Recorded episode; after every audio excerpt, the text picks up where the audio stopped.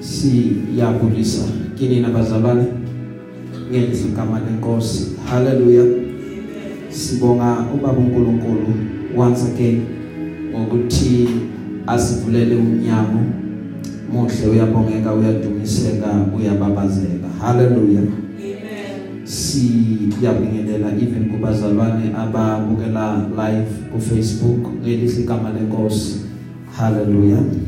Kubazalwane ababukela ku YouTube ngelihle igama lenkosi nakubona siyabonisa. Kubazalwane abalalela ama audio ethu whether be it podcast or lawo siwathumela ku WhatsApp ngelihle igama lika Jesu haleluya sizothola nje ukufunda kwezwi lenkosi bazalwane bese siyahlukana. Amen.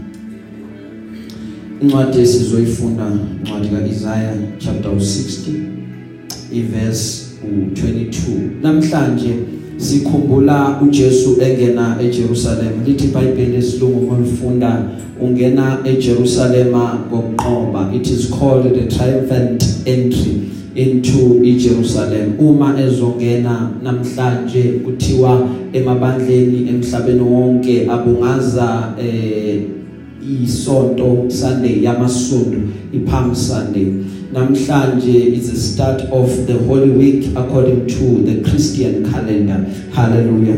Kunezinto ezizokwenzeka kuleli viki leading up to iFriday because Friday sikhumbula ukuthi walenga emnqamlezweni. Hallelujah. Amen yabazalwane. So namhlanje uJesu siyakhumbula ezongena eJerusalem lithi iBhayibheli ubekade ehamba nabafundi bakhe. Lithi iBhayibheli wathi umesondela eJerusalema wabathumela emzaneni nje omncane. Wathi hambani lapha kulo yamzana uzofika nithole khona idoki liboshiwe. Maqeda lithi iBhayibheli manifika bese niyalikhulula. Uma benibuza ukuthi nilisaphi bese nizothi nina maniphendula inkosi iyalidinga. Kwenzeka exactly njengoba uJesu ubekade eshilo balithola idonki baletha kuyena. Ubatshelile ukuthi leli donki alikaze ligibele umuntu leli donki alikaze lihlale umuntu lobe liqala nje kuba ligibele lihlale yena. Lithi iBhayibheli bathi nje ukuletha kuyena babona ukuthi noma asikhumuleni ingubo zethu maqeda siyibeke phezulu kwaleli donki ukuze ingonyama yesizwe somndeni kaJuda izohlala phezulu kwaleli donki. Now kwamaba enough lokho maqeda lithi iBhayibheli ezinye ingubo bayidlala endleleni. Lithi iBhayibheli bathatha amasundu bawabeka bathi eh longenayo manje vele udumo lonke lumfanele. Lithi iBhayibheli baze bathi ubusisiwe umbusi ozayo egameni lenkosi. Lithi iBhayibheli bakhuluma bamemeza bathi ukuthula ezulwini nenkazimulo kweliphezulu bese lithi iBhayibheli abafarisi ukuzwa lokho. Bathi batshele Jesu khuluma nalabantu bakho ukuthi bathule. Wathi uJesu mebaphendula uma bethula labo uNkulunkulu uyovusa amatshe ngoba ngempela uNkulunkulu udumo ulumfanele lonke. Glory be to God. Mhla ka5 kuFebruary 2023 bazalwane it's 2 months back. Mhla ka5 kuFebruary sasikade sishumayela umyalezo othi this is your time. Hallelujah. Lesikade sishumayela umyalezo othini yabazalwane namhlanje sizoshumayela umyalezo othi uJehova uNkulunkulu wesikhathi. Glory be to God. Ngiyacela ke bazalwane bese nishayelana uma mfundisi izandla bazalwane uze nayo lo myalezo bazalwane. Amen. Izandla bazalwane izandla izandla. Glory be to God. So uNkulunkulu he is the God of time. Who is God? God is the master of time. Uma iBhayibheli ufunda incwadi kaMshumayeli likutshela nje ngokusobala ukuthi konke kunesikhathi sabo ngaphansi komthunzi welanga lithi iBhayibheli lonke udaba lunesikhathi sabo ngaphansi komthunzi welanga yonke into eyenzakalayo bantwana basekhaya it is governed by time because we are living but ukuphila kwethu it is under isikhathi time. Is our master. Hallelujah. We can then also learn to master time uma sisebenzisa thina ngokwethu. We can master time ukuze isikhathi singasiwaste ngoba time wasted is never regained glory to god. Bakudlamini Isaiah chapter 60 verse 22 cela nje usifundele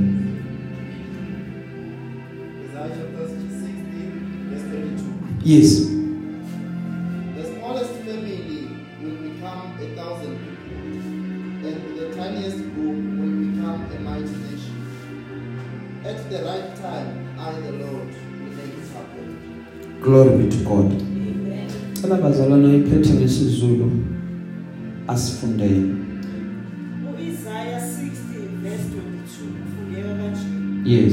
omncane uyakuba inkulungwane ophansi abe yisizwe esinamandla mina nginguJehova ngiyakusheshisa ngesikhathi sami Hallelujah. amen Sizovala namehlo wethu.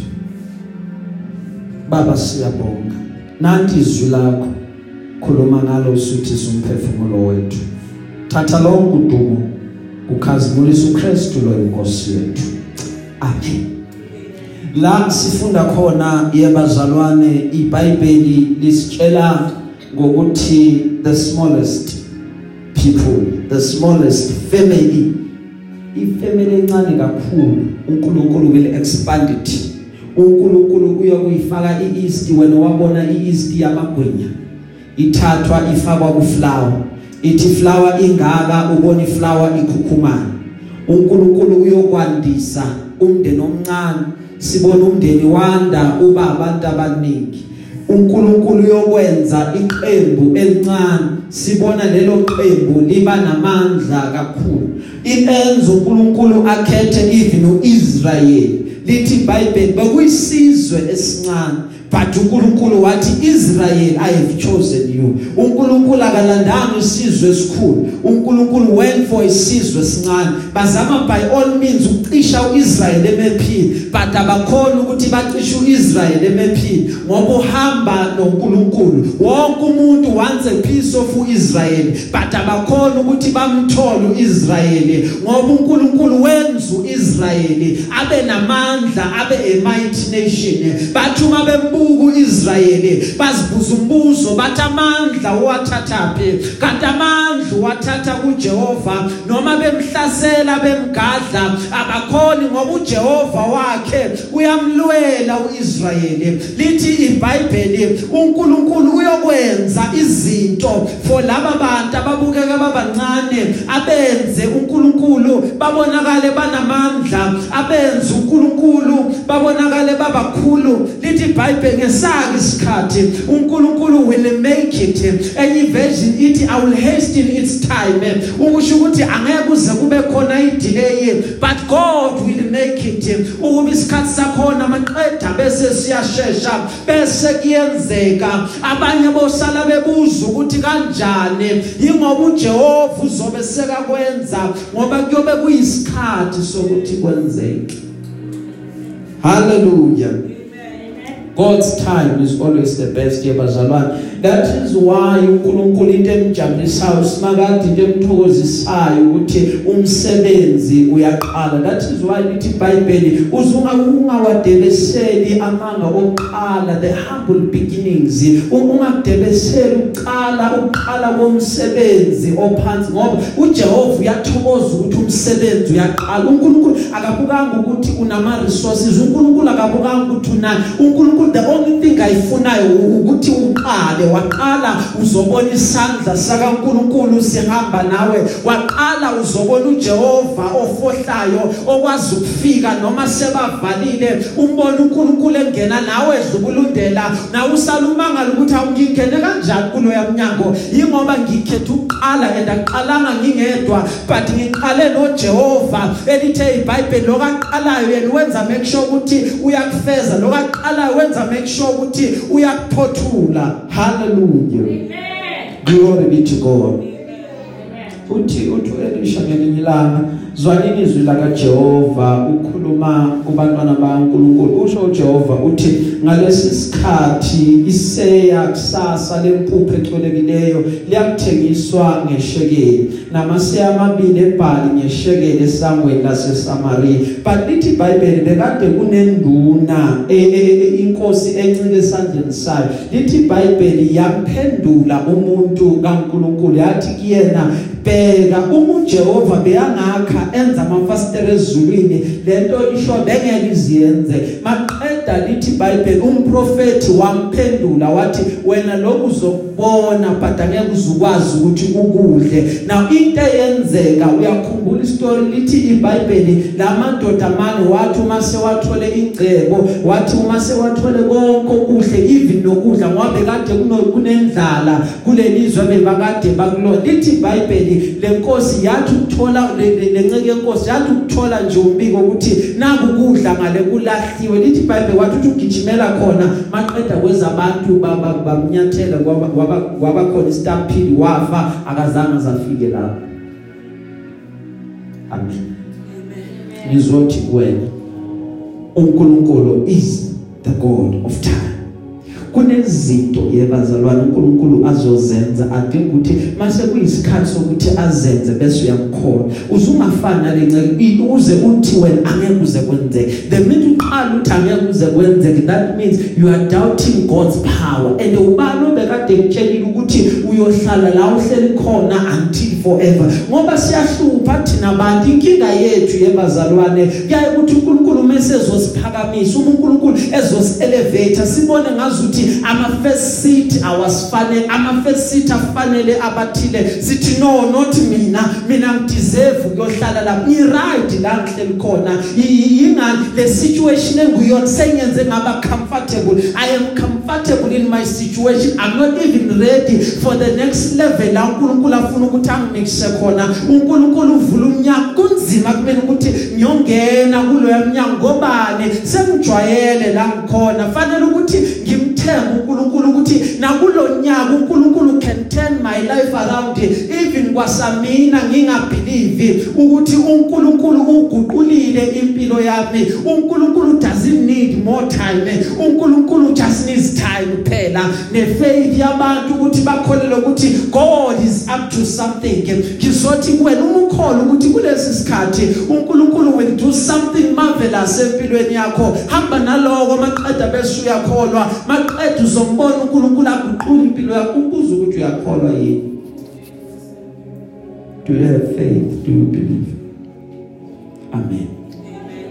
Abakholwayo yebazalwane benza something. Bayahamba basukuma abahlalanga endaweni eyodwa.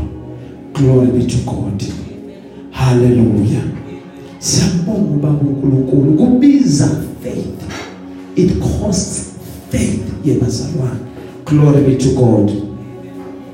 Lithi ke iBhayibheli Joseph abafowabo bamdayisa mithi uma sebemdayisile abafowabo kwenzakalani? Bakhohlwa ukuthi simdayisile simthengisile umfowethu. Makabongwe Jesu. Lithi iBhayibheli noma bekhuluma bathina bafowabo bathi sasikade siba u12 sesele si11 lo oka12 wafa. Hallelujah. Glory be to god.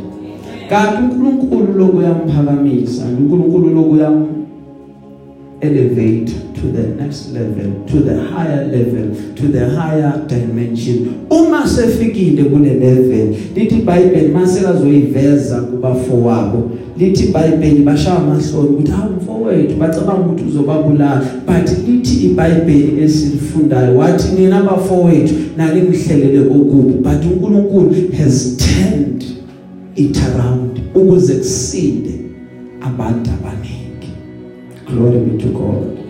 Sikhonza uNkulunkulu wesikhathi ngifuna uqonde understand ukuthi uNkulunkulu usemsebenzini. uNkulunkulu uyasebenza. uNkulunkulu ngesakhe isikhathi he will make it happen. Hallelujah.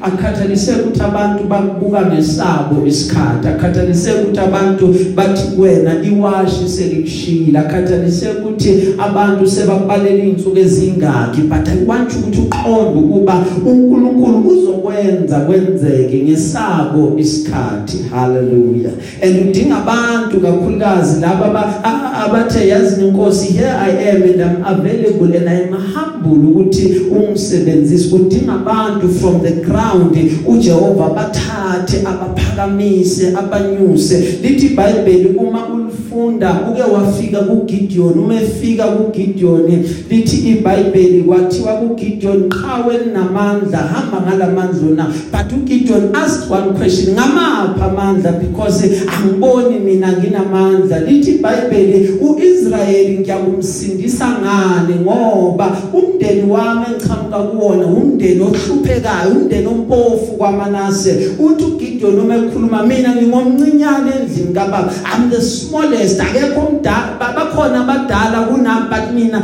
ngilo omncinyane but uNkulunkulu amehlaka bekade ebuke ngakuyena because uNkulunkulu akayi ngokuthi uqhamuka kuyiphi indawo akayi ngokuthi uqhamuka kuyiphi ifamily but uNkulunkulu umefuna ukuelevate efuna ukuphakamisa uthandile simakade ukuthi aphakamise laba abaqhamuka endaweni ephansi laba abaqhamuka from the lowliest position. Ayobahlalisa le phezulu namakhosi. Angithi wafika kuSawulu noSawulu besho into efanayo. Athi mina ngiqhamuka from endlini yakwaBenjamin sizokhumbula yebazalwane ukuthi kwaBenjamin isizwe esincinyane kwaIsrayeli. But uNkulunkulu wakhuluma kuyena uSawulu wathi Sawuli ungangitsheli lokho. Ngikhethe wena ukuthi ube inkosi ngoba uvamsile simakade ukuthi ahambele the lowliest laba ba the tiniest ukuze uNkulunkulu abenze babe ama giants ukuze uNkulunkulu abenze babe isizwe sinamandla Samuel wabuza uJese ngelinye ilanga wathi kuJese Jese asephelele yini amadodana akho? Ewabona amadodana akhe. Lithi iBhayibheli wathi usekhona. Lo okhona ungakanani yebazalwane mncane. Lithi iBhayibheli bathi uyalusa. Kwathiwa Samuel wathi Samuel makahanjwe alandwe weJese ngoba angeke sidle engakafiki. Glory be to God.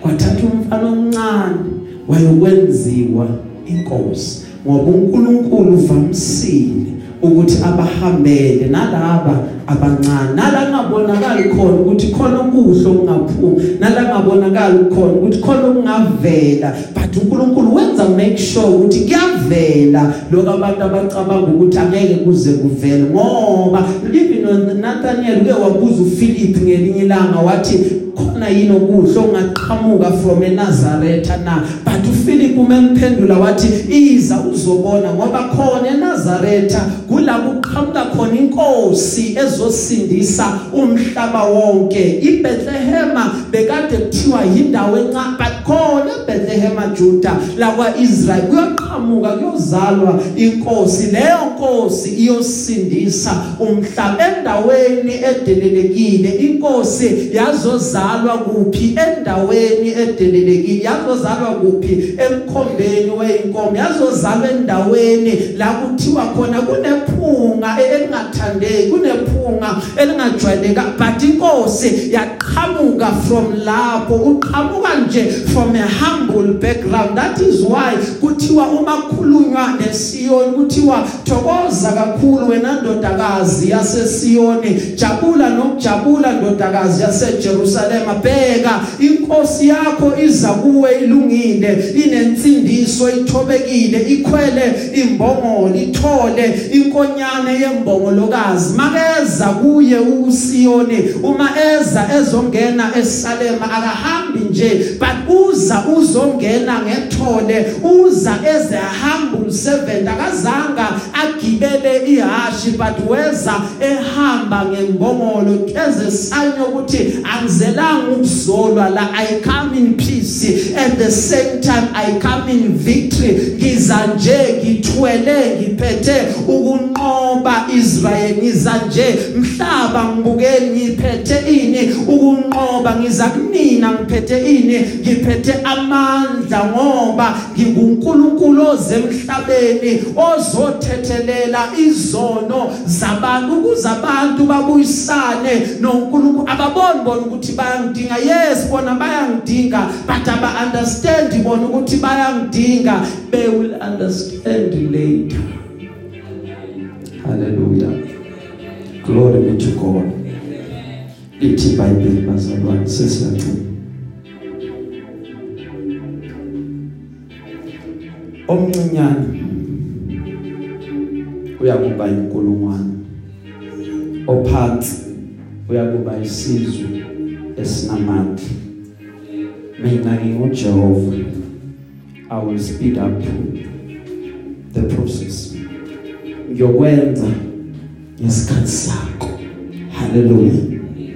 Omncinyane shall be great. So ngifuna ukuthi ngigcina kuwena ngithi nami iba ku position yokuphakanyiswa. Lungela ukuphakanyiswa. Lungela ukuthi manje elami igama lizobizwa.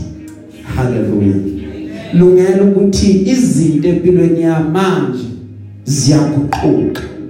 Haleluya because lesi isikhathi sokuba uNkulunkulu enze izinto empilweni yami abantu besale babuzana ukuthi how naye kugcine kwamlungela naye kugcine kwakhanya kuyena and for sure empilweni yakho kuzokhanya. So iba ready because kune lifting that is about to take place. uNkulunkulu will remove you from endaweni yokungaziwa. Usimakada yokubeka endaweni yabantu abaziwayo. uNkulunkulu will move you from a place of being umuntu who is a nobody akunikise endaweni yomuntu. Abahlala balindele bathi uyezu sibanibani siyazi uma efikile izinto uzoyiguqula. Bese nawe uba nombuzo uthi hawu sekuyimi engihleli kule level? Because uNkulunkulu is about to do something extraordinary empilweni. Angazi ukuthi kahle kahle ngikhuluma kubani but ngidinga umuntu ozoyizwa lento engiyishoyo ukuthi yiba ready for the next level. uNkulunkulu afuna ukukumikisa yona. Don't think ukuthi kule level ohleli kuyona kula uyophelela khona kula uyofela khona.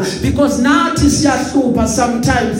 Sicabanga ukuthi mhlambe ngokwe level fanele ukuthi ngibonakala ukuthi hayi sengihamba ngemoto enkulu ngibonakala sekushintshile. Hayi mina ngisakudla ukudla kwalapha sengidla ukudla kwalapha khabo sometimes the level is even spiritually. uNkulunkulu uvula amehlo akho wakamoya. Sekwazi ukubona izinto ebekade ungayiboni ezweni lakamoya. uNkulunkulu uyakuphakamisa the more umfuna the more umlambele get ready for the next level because izinto asayiphinde sifana dala ukhuleka ngenze kulutho. Right now uzokhuleka kwenzeka izinto. Right now uzokhuleka kuqaqeka amaketanga abophekile right now uzokhuleka abantu bakhululeke. Mthembe usimakade ukuthi inkosi ku next level uzosebenza ngami. Inkosi ku next level uzowudla umhlaba ngami. Ngoba kunalento ibeke kumina umhlaba oyidingayo umhlaba is in anticipation yalento efanele ivele glory be to god.